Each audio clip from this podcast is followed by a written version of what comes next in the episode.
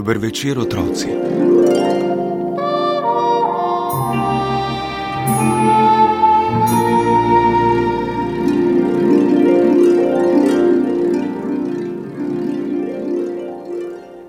Ste že pogledali skozi okno? Odkimavate? Aha, torej niste.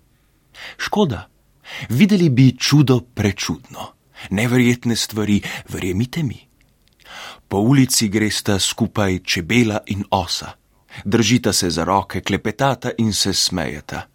Pikapolonica z velikimi belimi pikami drži v roki punčko. Eno veliko rdečo piko si je nalepila prav na nosek.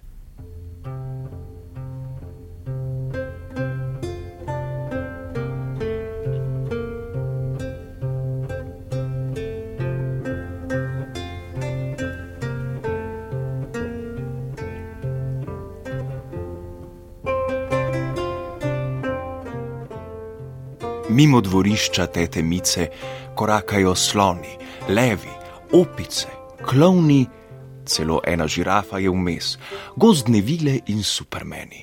Dimnikar z velikim klobukom ima v roki paličici in tovče po bobnu. Vsi se smejejo in mahajo mamicam in očkom, ki jih gledajo skozi okna.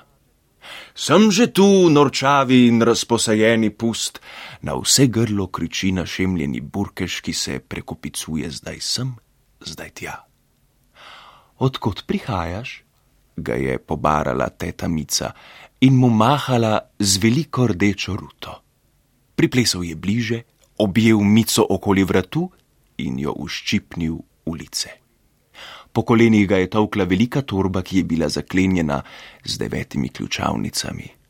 Hmm, kdo ve, kaj se skriva v njej, je pomislila Mica, medtem ko je pust od kolovratil dalje.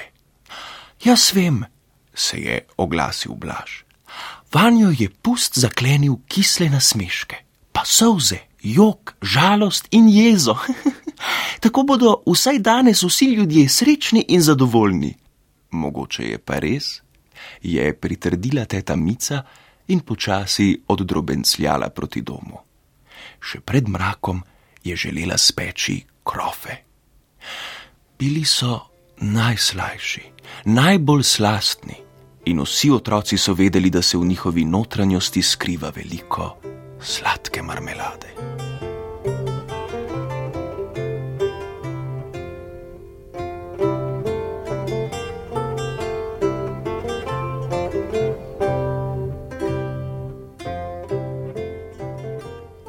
Čas, ko so se otroci iz Zakajčkove ulice zabavali, je Tadej sedel doma in se kujal.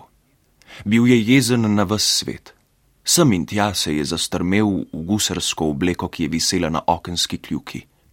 Kako srčno si je želel, da bi bil strašni gusar, gospodar divjih mori.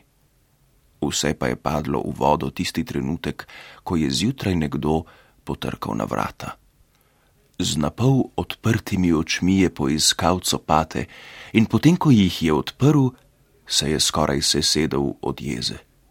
Pred seboj je zagledal čisto pravega gusarja, prav takega, kot je upal, da bo sam.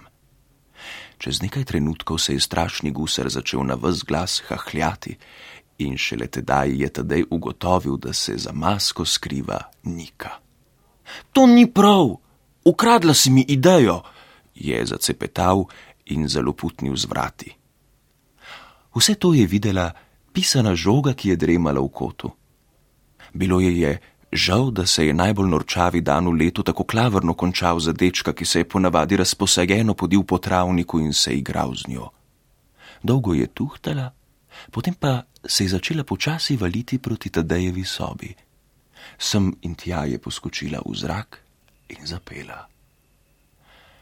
Jaz sem žoga nagajivka, jaz sem žoga skočil v zrak, botr pust mi ni enak. Hej, tadej, odpri vrata, še je čas, da ujameva pusta. Nihče mi ne more pomagati, je s čimirnim glasom zagodrnjal tadej. Žoga nagajivka se je na vz glas zasmejala in se držala za trebuh. Končno je Tadej pomolil svoj dolgi nos skozi vrata. Žoga je iz žepa potegnila čarobno paličico in mu jo dala v roke. Reci trikrat čirole čarole bum in postal boš najlepša, najbolj okrogla in največja žoga v celi ulici. Dečku so se zasvetile oči. Prijel je paličico in ponovil, kakor mu je naročila žoga. Jaz sem žoga nagajivka, jaz sem žoga skočil zrak, bo ter pust mi ni enak. Trikrat je počilo, dvakrat se je zabliskalo in ko je stopil pred ogledalo, je pred seboj zagledal ogromno smejočo se žogo z velikimi zvedavimi očmi. V trenutku je pozabil na silnega gusarja, tako si je bil všeč. Nemudoma se je obrnil k žogi na gajivki in ji pritisnil na lica mokr poljub. Potem je stekel na ulico in se začel prekopicovati po snegu. Skakal je visoko v zrak in pri tem opazoval snežinke, ki so narahlo padale na zemljo. Otroci, ki so prišli bliže, so ga opazovali. Tadej ima zmeraj kakšno noro idejo, so rekli, in skupaj zaplesali okoli pusta. Šele potem, ko je škratek lučka začel prižigati svetilke, so se že malo premraženi odpravili k teti Mici. Tam so jih na mizi čakali sladki krofi.